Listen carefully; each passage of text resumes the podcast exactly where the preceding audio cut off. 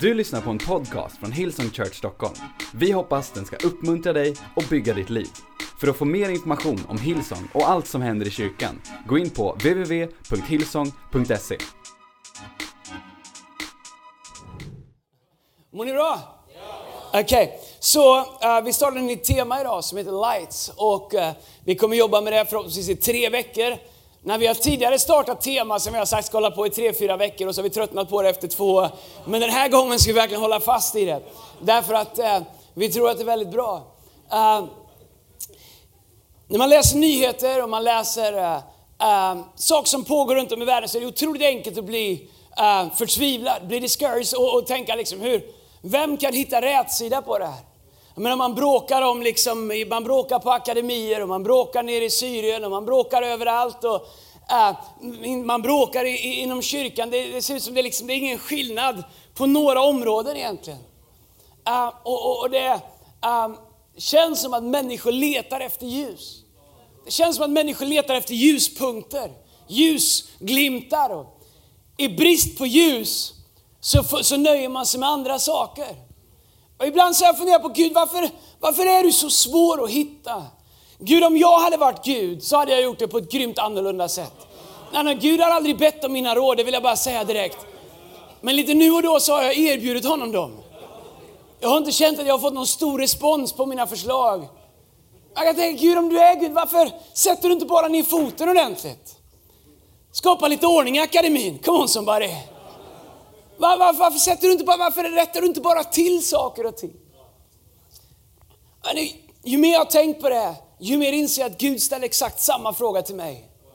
Andreas, varför skapar du inte bara, varför visar du inte bara en lite tydligare väg? Andreas, i Hillsong Church Sweden. Varför är ni inte bara ett lite större ljus i mörkret? Och jag inser att samma fråga som jag har till Gud, har Gud till mig.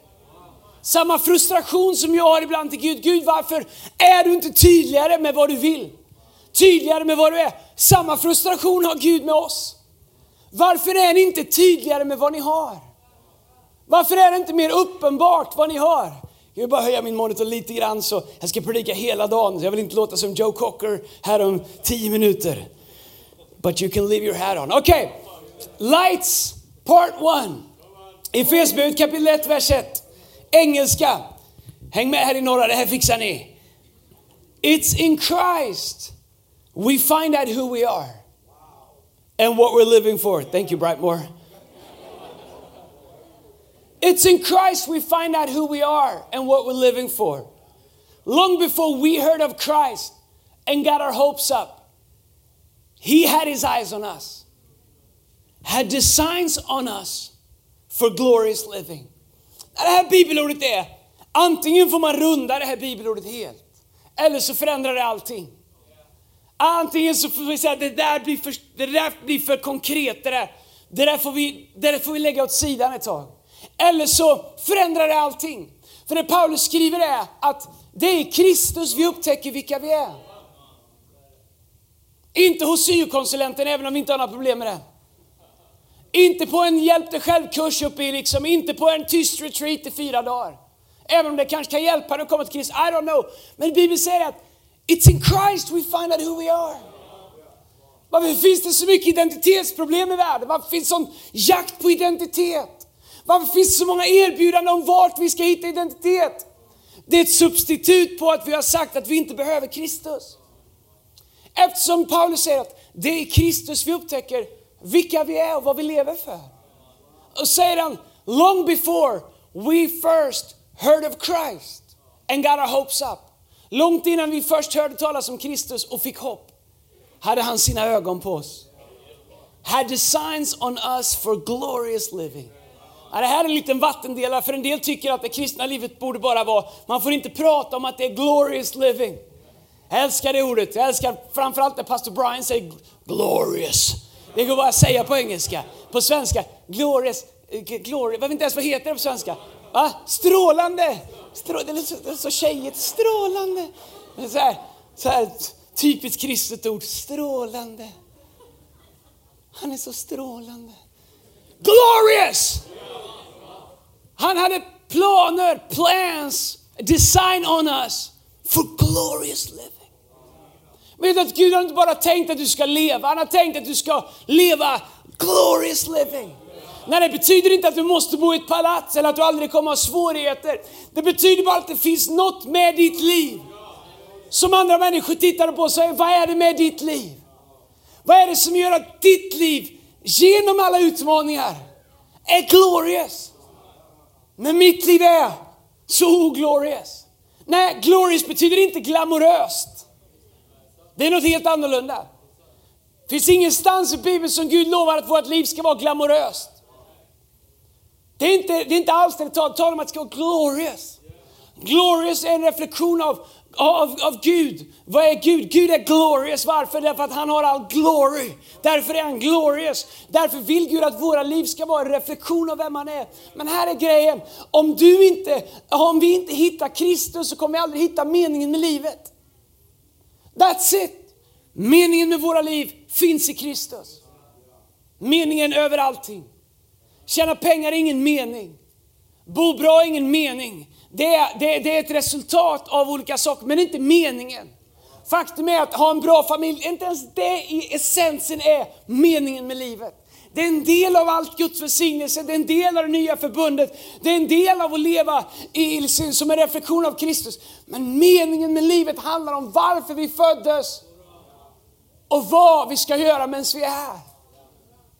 Och jag skulle vilja hävda efter snart 43 år att inte förrän vi börjar närma oss det hittar vi någon form av tillfredsställelse som kan börja göra det i oss som vi längtar efter. Det här jag ska tala om nu på bara de få minuterna som är kvar, som jag egentligen skulle behöva ha hela, hela söndagen på mig, det, det är den viktigaste predikan jag har. Det är mitt life message. Jag hoppas att så många som möjligt av er känner att jag har hört alltihop det här förut, det är bra. Nu ska vi bara göra det. Vår djupaste mening med livet finns bara i Kristus. Du kommer inte hitta den på Instagram, du kommer inte hitta den med mer likes, du kommer inte hitta den någon annanstans. Du kommer bara hitta meningen med ditt liv, tillfredsställelsen, purpose cause med ditt liv i Kristus. Allt annat är add-ons. Bibeln säger sök först Guds rike och hans rättfärdighet så ska vi få allt andra. Men han säger inte att vi ska söka den, han säger att vi ska söka Gud. Av hela vår hjärta, hela vår själ och hela vårt förstånd. Det finns bara två frågor som Gud kommer fråga oss när vi står inför honom en dag när livet är slut. Förhoppningsvis efter ett långt och mätt liv. Även om Bibeln säger att vi inte har löfte om morgondag. Någonstans på vägen när medicin började komma in och läkare började komma in och massa saker kom in så blev det ett långt liv en rättighet, en självklarhet. Om vi bara går några få generationer tillbaks så var ett långt liv absolut ingen självklarhet. Eh, min mamma gjorde någon sån här, eller hennes släkt, jag vet inte, någon gjorde någon sån släktforskargrej. Man fick en sån här mapp med massa siffror och, och grejer och sådär. Jag bara, finns det någon bild här någonstans med streck som jag kan titta på? Du vet så här, bara förbi all text, leta efter strecken. Ge mig träd, ge mig någonting liksom. Så där, liksom, hoppas vi inte har för mycket banjo i släkten. Men, men, men, men när, vi tittar, när jag tittar på det där så ser jag att bara några generationer tillbaks så hade nästan allihopa liksom. De, man fick massa barn men inte alla. Men en del blev 10, en del blev 15. Några var gifta men mannen dog när de var 35 år. Han fick sjuk, han fick lunginflammation. Han fick en tandinfektion som sen blev en annan infektion. Du vet så här, men någonstans de sista två, tre generationerna så har ett långt liv blivit en rättighet. Med det har, kommit, har vi tappat bort det faktum att en dag ska vi stå inför Gud. Och vi behöver leva varje dag här som att den har, att, att, att den har en liksom påverkan på vår framtid. Att vi är här med ett syfte. Göra det mesta av varje dag. För det som händer när vi säger att jag är garanterad långt liv, 90 år och, och får de bara tryck ner i, i Mexiko så vi kan komma igång med de här stamcellerna liksom. Då kan vi leva hur länge som helst. Det det gör är att det tar bort värdet av idag. När jag önskar alla ett långt liv. Jag önskar alla att ni får leva hur länge ni vill. Men jag vill inte att vi ska tappa bort värdet av idag. Jag vill inte att vi ska byta ut ett långt liv mot värdet av idag. Så när vi står inför Gud så är det bara två saker som Gud kommer fråga oss. Han kommer inte fråga dig varför du körde för fort när du var 18 år, tack Jesus. Han kommer inte fråga dig varför du lurar en kompis och börjar tjuvröka, tack Jesus. Han kommer inte hålla mig accountable för, för när jag satt på, i, i, med, med, jag och en kompis en gunga. Jag tror att han var sex och jag var sju och jag lärde honom att svära. Det är inte vad Gud kommer hålla mig accountable till, tack Jesus. Men två frågor kommer han ha. Nummer ett, vad gjorde du med Jesus? Min son. Tog du emot frälsning? Tog du emot förlåtelse? Vad gjorde du med honom? Vad gjorde du med honom?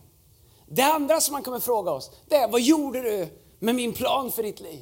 Vad gjorde du med din kallelse? Och med det kommer också församlingen, med det kommer också kyrkan. För det finns ingen i världen som har en kallelse utan att den är, har en koppling till kyrkan. Det betyder inte att alla måste jobba i kyrkan. Och vi ska titta lite på det här idag. Du har en kallelse. Och Gud kommer fråga dig vad du gjorde med ditt pund en dag. Han har en plan för dig. Du hittar mening med ditt liv som vi läste i Efesierbrevet kapitel 1, vers 11. Att, att it's in Christ we find out who we are. I Kristus hittar vi vem vi är och där hittar vi meningen med vårt liv och där hittar vi våran kallelse och varför vi är här. Går det bra om vi bara går lite djupare då? Det gör vi i alla fall. Men så du har en kallelse och det är en del av våran stora kallelse. Kyrkan, församlingen, Kristi kropp. Så vad är våran kallelse som kyrka? Våran kallelse som kyrka finns bäst att hitta i Efesierbrevet kapitel 1, vers 20-23. Om du var med när vi startade våran kyrka så hörde du mig predika om det varje vecka i 12 månader, att någon ens stannade kvar, det är ett mirakel. Det står så här i första, eller i Efesierbrevet, det finns bara ett Efesierbrev, men i Efesierbrevet kapitel 1, vers 20-23, the message, översatt till svenska. Okej. Okay. All denna energi kommer från Kristus. Hela jorden, all energi, all kraft som finns. Gud reste upp honom från döden och satte honom på en tron i djupa himlen. Ansvarig för att styra universum. Allt från galaxer till regeringar. Inget namn och ingen kraft undantas från hans styre. Om vi pausar där, så är det väldigt viktigt att vi bestämmer oss hur vi ska förhålla oss till det. Om det är sant att inget namn och ingen kraft undantas från hans styre, då innebär det att allt vad vi behöver är Gud herre över. Om det är så att alla galaxer, allt från galaxer till regeringar, är under hans herravälde, då innebär det att vi alltså kan be till Gud och att Gud kan påverka och ändra och lägga sig i och förändra allt från galaxer till regeringar. Det innebär att vi inte behöver säga Åh, jag är så himla dålig, vad händer med skatter och grejer. Det innebär att vi faktiskt kan säga att det är han som styr över allt från galaxer till regeringar. Gud, vi vill ha något annat för vårt land. Gud, vi behöver mer av det här i vårt land. Vi behöver, och istället för att bara stå med plakat och säga vi vill ha avslutningar på skolavslutningar i skolan, där det, i kyrkan, det är det viktigaste som finns. Och jag tycker det vore fantastiskt. Men istället för att bara tala om hur kast det är, så kan vi be till han som faktiskt bestämmer över allt från galaxer till regeringar och säga Gud, vi skulle vilja ah, att du gör det här. Gud, vi tror att det här är din vilja. Så det här handlar om ett perspektiv av vem vi tror att Gud är i ditt företag, när du känner att ditt företag inte går bra, fast du gör allt du ska göra, fast du lever rätt, fast du ger tiondet, så kan du börja säga till Gud du har lovat, Gud du som styr allt från galaxer till regeringar, jag vet att du hör mig när jag ber. Du förstår att den här versen för mig är dynamit därför att den avgör allting, vem jag tror att Gud är. Om Gud är liksom som någon liten gubbe i lådan som du har i din ficka. Nu har jag en ficka här men den är gömd, först måste man vika upp en elände och stryka den här skjortan kan jag säga. Det var att knappen sitter på insidan, jag orkar inte ens knäppa upp den. Men om Gud är någon liten, jag får inte upp den här, men jag, om Gud är någon liten Gud som du har liksom här i, så du säger, Gud nu behöver jag dig, kom fram mig Gud, jag är lite ledsen, kan du bara trösta mig lite? Eller Gud, Gud jag ska sälja min lägenhet, kan inte du bara hjälpa mig en stund här?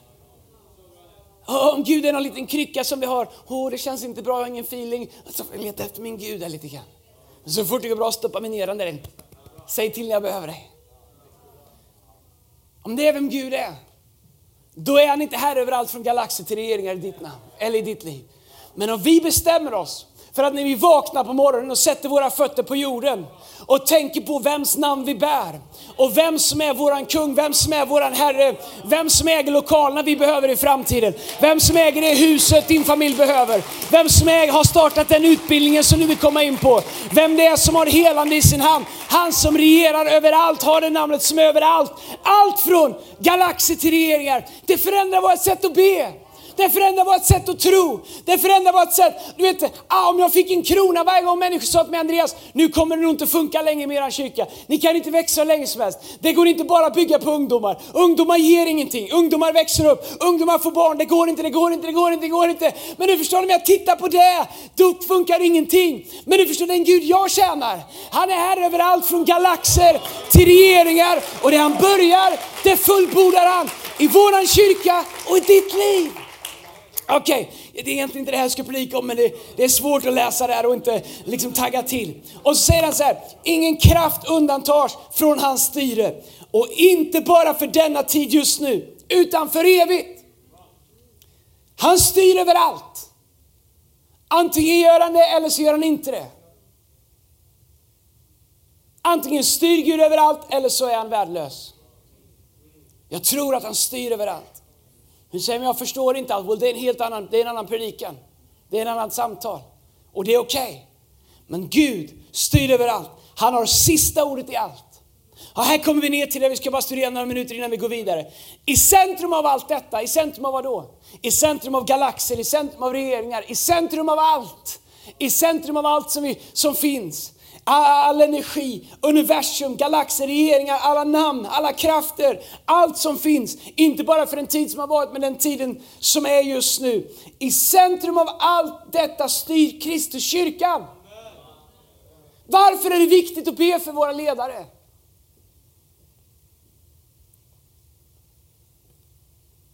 Ingen som vet. Inte bara för att det ska kännas lite bättre. Därför att Kristus vill styra kyrkan. Om du ska be för dina ledare, be så här. Ge mina ledare vishet att förstå vad Kristus vill i våran kyrka. Om du ska be för dina ledare, du kan be om hälsa, du kan be om allting, du får gärna be för läxan, allt det där går jättebra. Men mer än någonting annat, be. Vet du vad jag ber för pastor Brian varje dag? Gud ge pastor Brian vishet att höra din röst. Därför att du styr din kyrka. Led hans hjärta som du leder vattenbäckar så att, så, så, att, så att han hör din röst. Därför att det är det som är det viktigaste av allt. Inte att jag är pastor eller att pastor Brian är pastor över hela Hillsong, utan att Kristus styr kyrkan. Så han säger, i centrum av allt detta styr Kristus kyrkan. Du förstår, kyrkan är en byggnad som man måste vara tyst i och inte få springa i. När jag var liten så trodde man att om man visslar i kyrkan så lockar man på demoner. Jag har fått skäll för det också. Du, du förstår, kyrkan är inte perifer till världen. Världen är perifer till kyrkan. Hmm. Du förstår, kyrkan är Kristi kropp i vilken han talar, agerar och genom vilken han fyller allting med sin närvaro.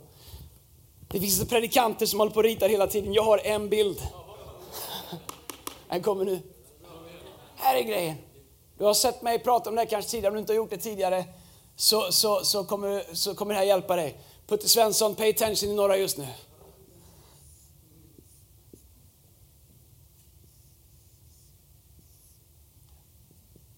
En gaffel. Okej? Okay?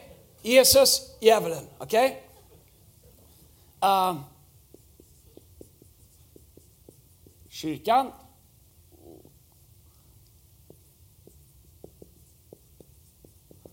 Känner ni vad mer seriöst det blir på en gång man skriver lite? Ha? Stryken skjorta, pedagogisk undervisning. Det trodde du aldrig när du kom till Hillsong.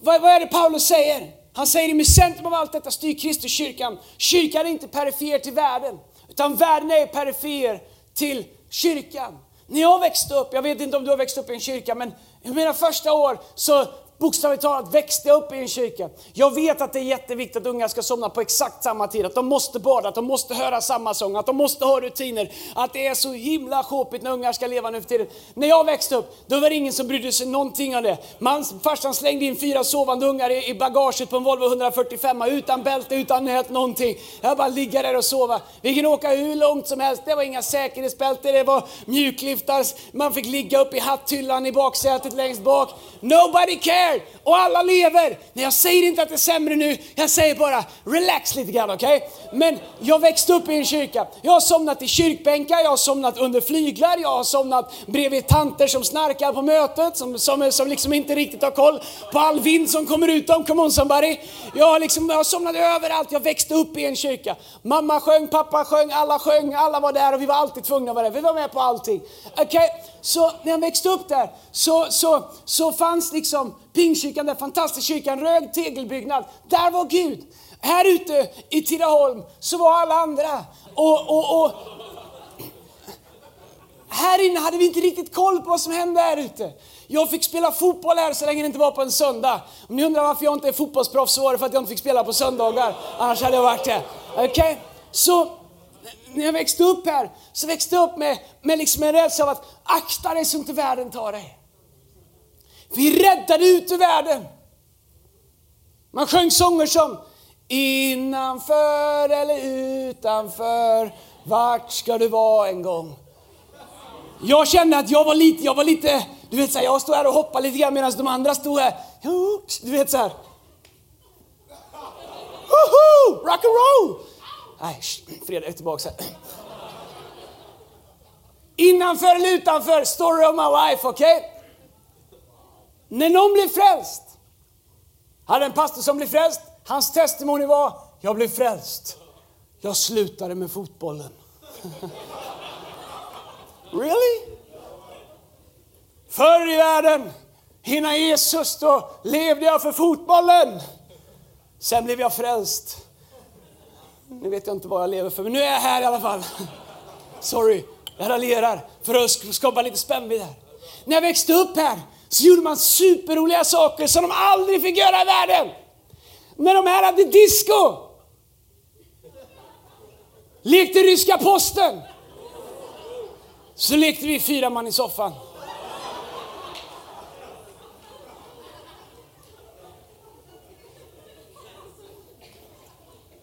När de här sjöng Eddie Meduza så sjöng vi Vem är kungen i djungeln? Sen var vårt jobb att berätta för de här hur fruktansvärt tråkigt det var här. Men hur bra livet kunde bli här. Så innan jag lämnade kyrkan så hann jag börja vara med på det som vi kallar det för, eh, det som alla riktiga kristna, framförallt ministerier gör. Man går ut. Det kallas evangelisation, men det säger man inte, utan man säger bara, vi ska gå ut. Okej? Okay? Det som händer då, det är att man samlas allihopa. Eh, vi ska gå ut klockan, vi säger vi ska gå ut 20.00. Eh, Okej, okay, nu ska vi ut till raggarna. Nu, ikväll ska de få Jesus. Okay? Det innebär att man träffas 18.00 och för bön två timmar innan. Okay? Men redan ungefär eh, 18.10 så har vi liksom slut på saker att be om. Så man börjar lite så här, mm, mm amen. Mm, bara tänker, någon som hänger på mitt amen här. Kan vi få en konsensus av att vi är klara? man vill inte vara den första som säger att nu, nu, nu bryter vi, utan man, vill, man börjar liksom stoppa in ett litet amen och tänker att om jag, du vet så här, ja, ja, amen. Amen. Och så hoppas man att fler ska hänga på. Så att vi kan, det kan uppstå någon slags konsensus av att vi har bett klart här. Sen kör vi kanske 50 minuter, fyra man i soffan. Vi brer mackor som vi ska ha med oss när vi går ut. Och det sista vi gör är att vi trycker upp traktat som vi ska dela ut.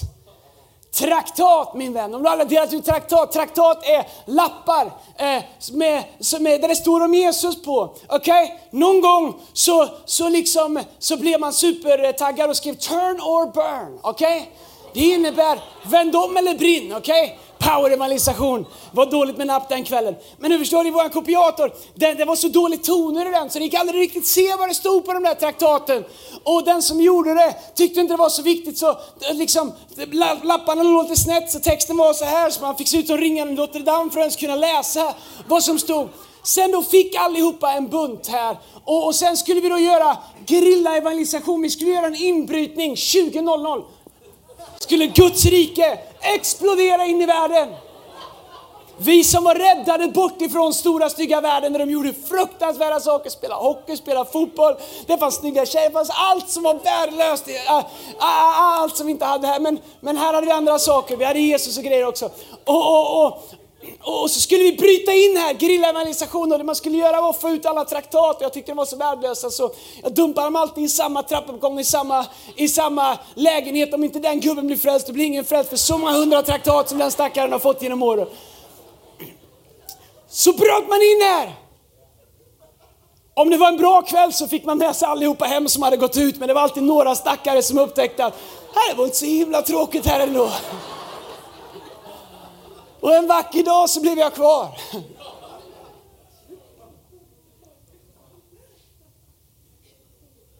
För vi lever ju räddade ut ur världen. Akta dig så inte världen tar er, sa de till mig. På våran, och jag älskar den kyrkan, växte upp i det, jag raljerar med, eh, fantastiskt. Det, det fanns på, där vi bor på Nya torget eh, en liten trapp i kyrkan och där utanför gick Ströget. När jag sa till Jonte som jobbar med mig häromdagen, har du varit och strögat med min bil? Han bara tittade på han Stockholm, han fattade absolut inte vad jag sa. Okay? Såna ströga, det är när man åker ett, ett, ett, speciell slinga i en stad. Man, den bara pågår, den börjar aldrig och slutar aldrig. Det är det bästa sättet när man är 18 år och blåsa en bensintank en fredagkväll i Tidaholm. Det är att ströga, allra helst i en Amazon, eller, nu pratar jag inte om då utan nu, eller en Volvo 140, eh, 142 eller någonting. Man sänker den genom att bara koppa bort fjädrarna, på med rävsvans, på med lite tärningar, på med lite Wonderbounce, i med lite Medusa. Så åker man bara runt där. Och på den tiden så var raggarna, det var innan det fanns liksom hiphoppare och andra så. Det fanns bara kristna och så fanns det vanliga och så fanns det raggare. Och, och, och när, när vi växte upp och, och, så stod vi på trappan till Pingstkyrkan och kollade på världen där de strögade, åkte runt i sina raggarbilar. De hade skinnvästar, de hade häng på jeansen långt innan hiphopparna kom på det. Det var bara det att de var, hade druckit så mycket öl så det fanns inget att hänga upp brallorna på så de hängde.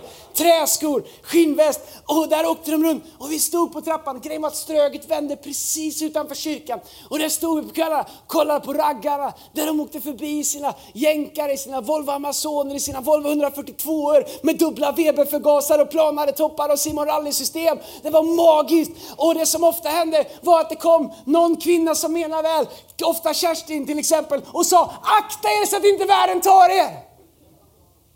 För världen började där våran trappa övergick till trottoar. Och vi backade lite längre in. Vi är safe här. En meter till trappsteget. Så inte världen tar oss. Men vad är det Jesus säger? Eller förlåt, vad är det Paulus säger? Vad är det han säger om det här livet? Säger han att det inte spelar någon roll? Nej, det är inte det han säger. Det, det, det Paulus säger är att kyrkan är inte i periferin till världen. Han säger att vi, vi, vi lever inte ett liv där, där kyrkan är här och, och världen är här. Så ofta så lever vi med någon slags mindervärdighetskomplex som kyrkan. Oh, kan, kan, kan, vi få vara med? Vi stör inte om vi ber en bön va? Oh, nu har vi en kristen kändis. Oh! Nej, du skämtar. Vi har en kristen som får vara på TV. Nej, jag dör alltså. Efter tio med Malou. Skämtar du eller? Vi har en kristen på världslig TV.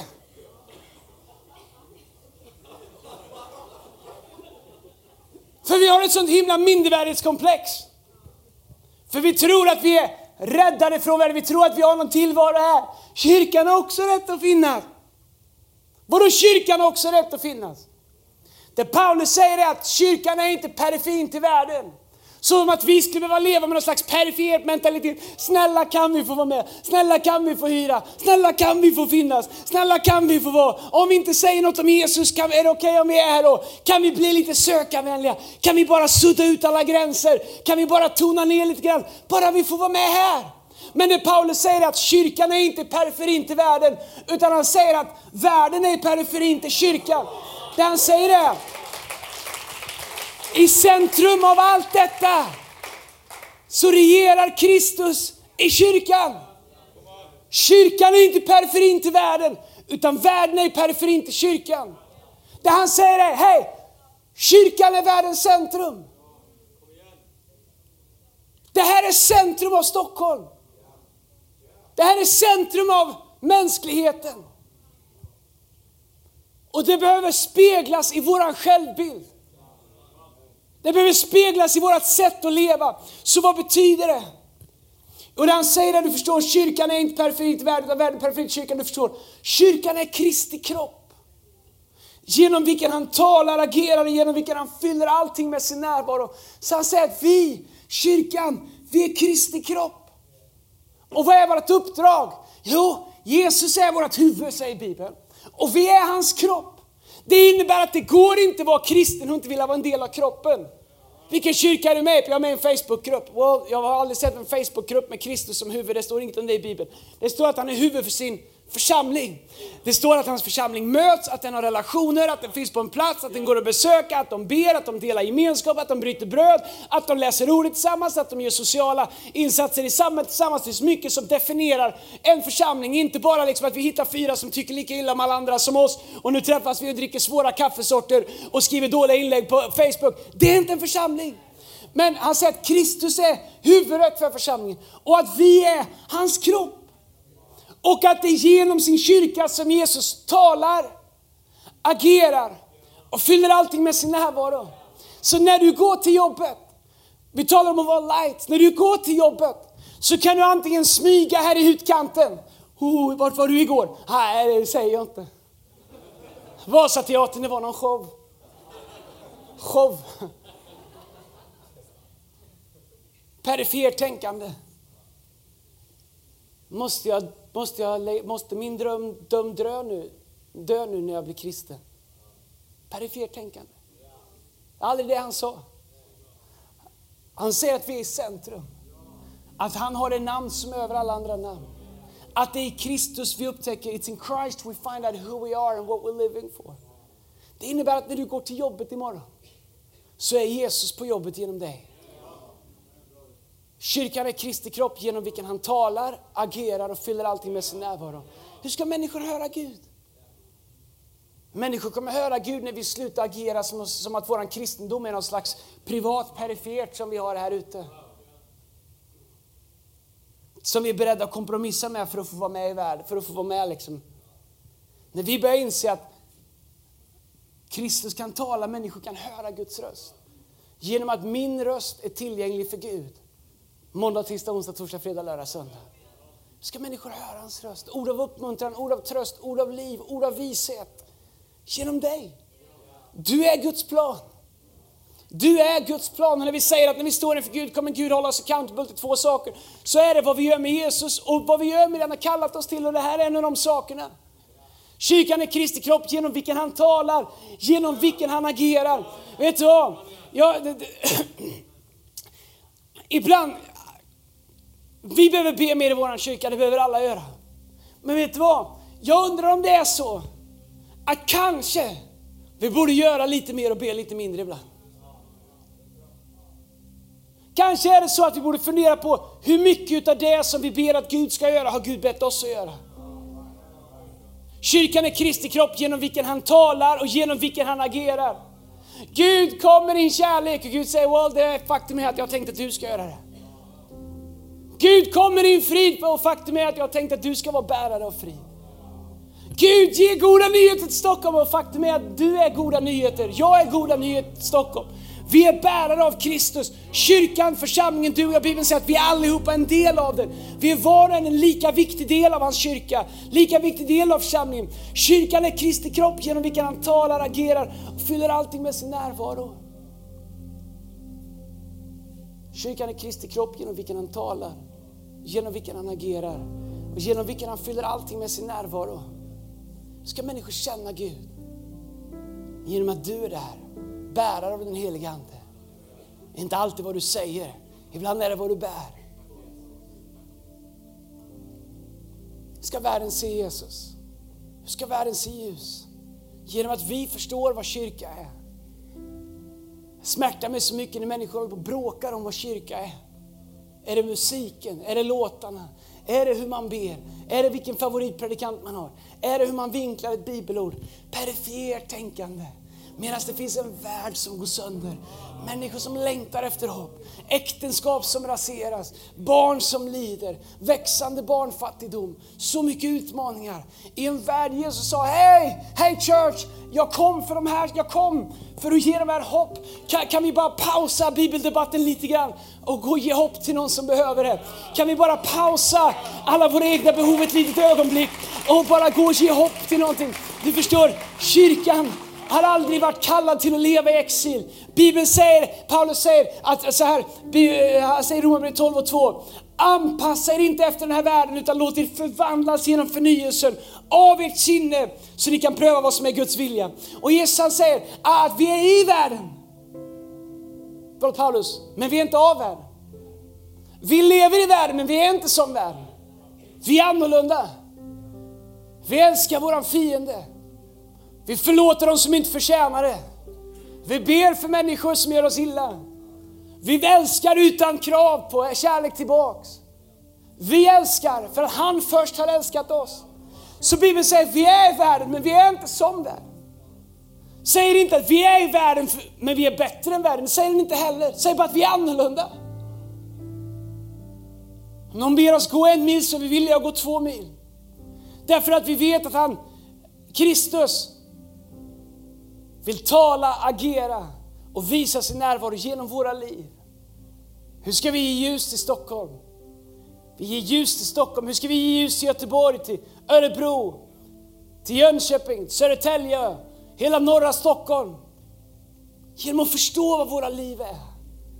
Att när du ställer klockan imorgon bitti så lever du i en gudagiven kallelse av att ta plats där Gud har positionerat dig. Helt plötsligt så är ditt jobb inte bara ett jobb utan det är ett mission. Där du är Guds representant. Säg Andreas, hur ska vi nå in med Jesus i skolvärlden?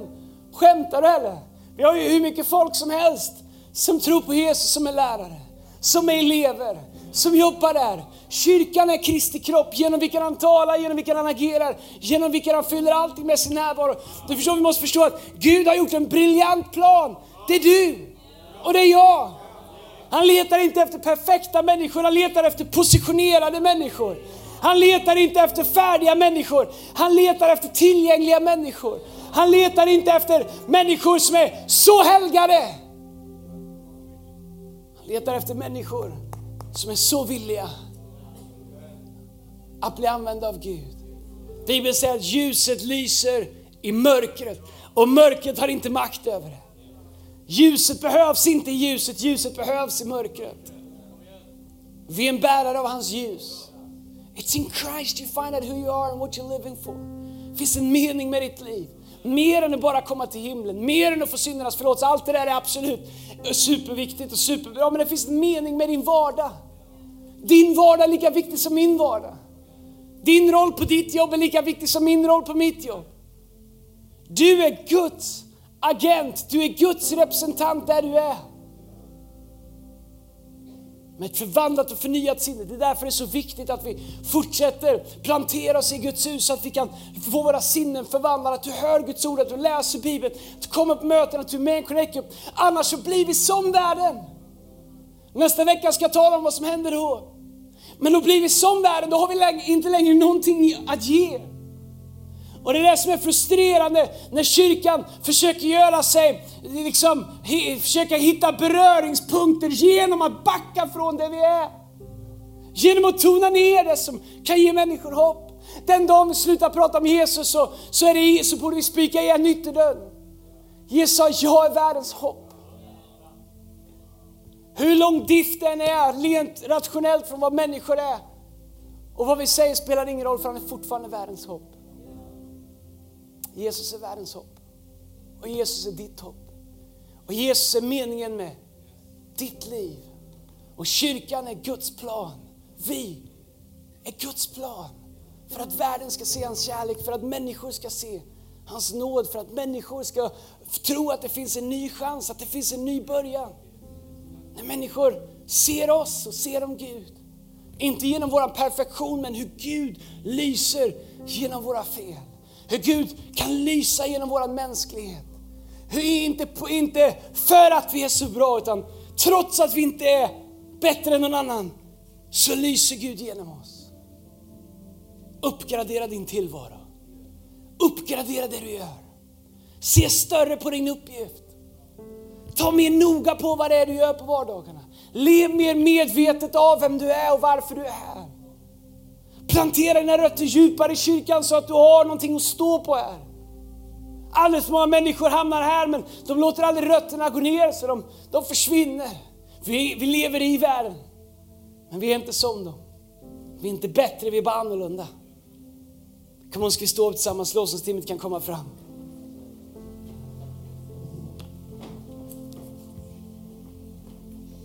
Innan Erik kommer upp och ber en bön för människor som få en relation med Jesus. Så skulle jag bara vilja be för några människor här inne med alla huvuden böjda, alla ögon stängda ett ögonblick.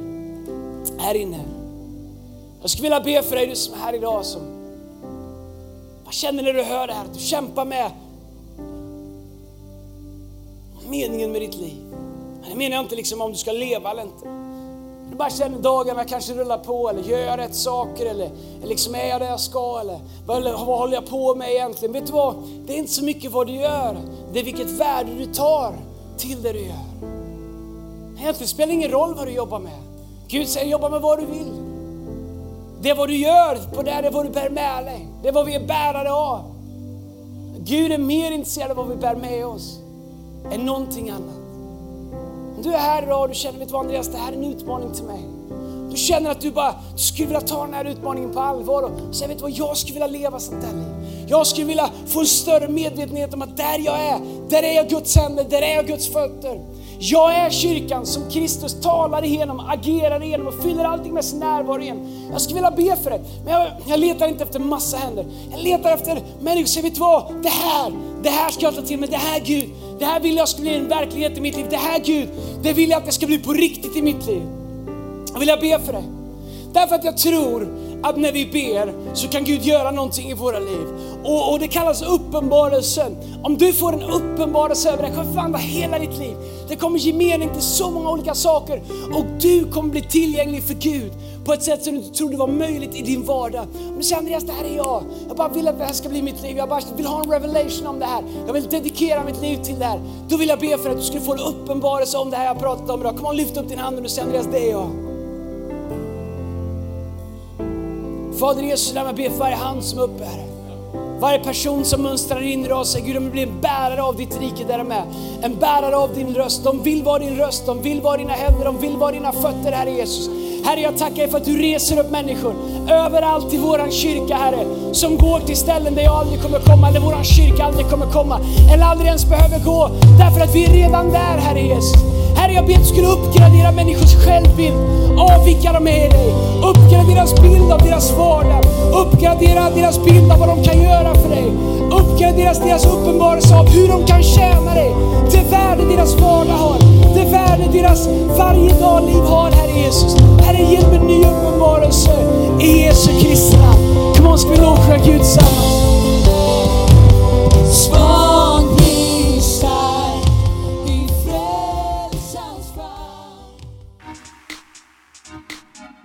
Du har lyssnat till en podcast från Hillsong Church Stockholm.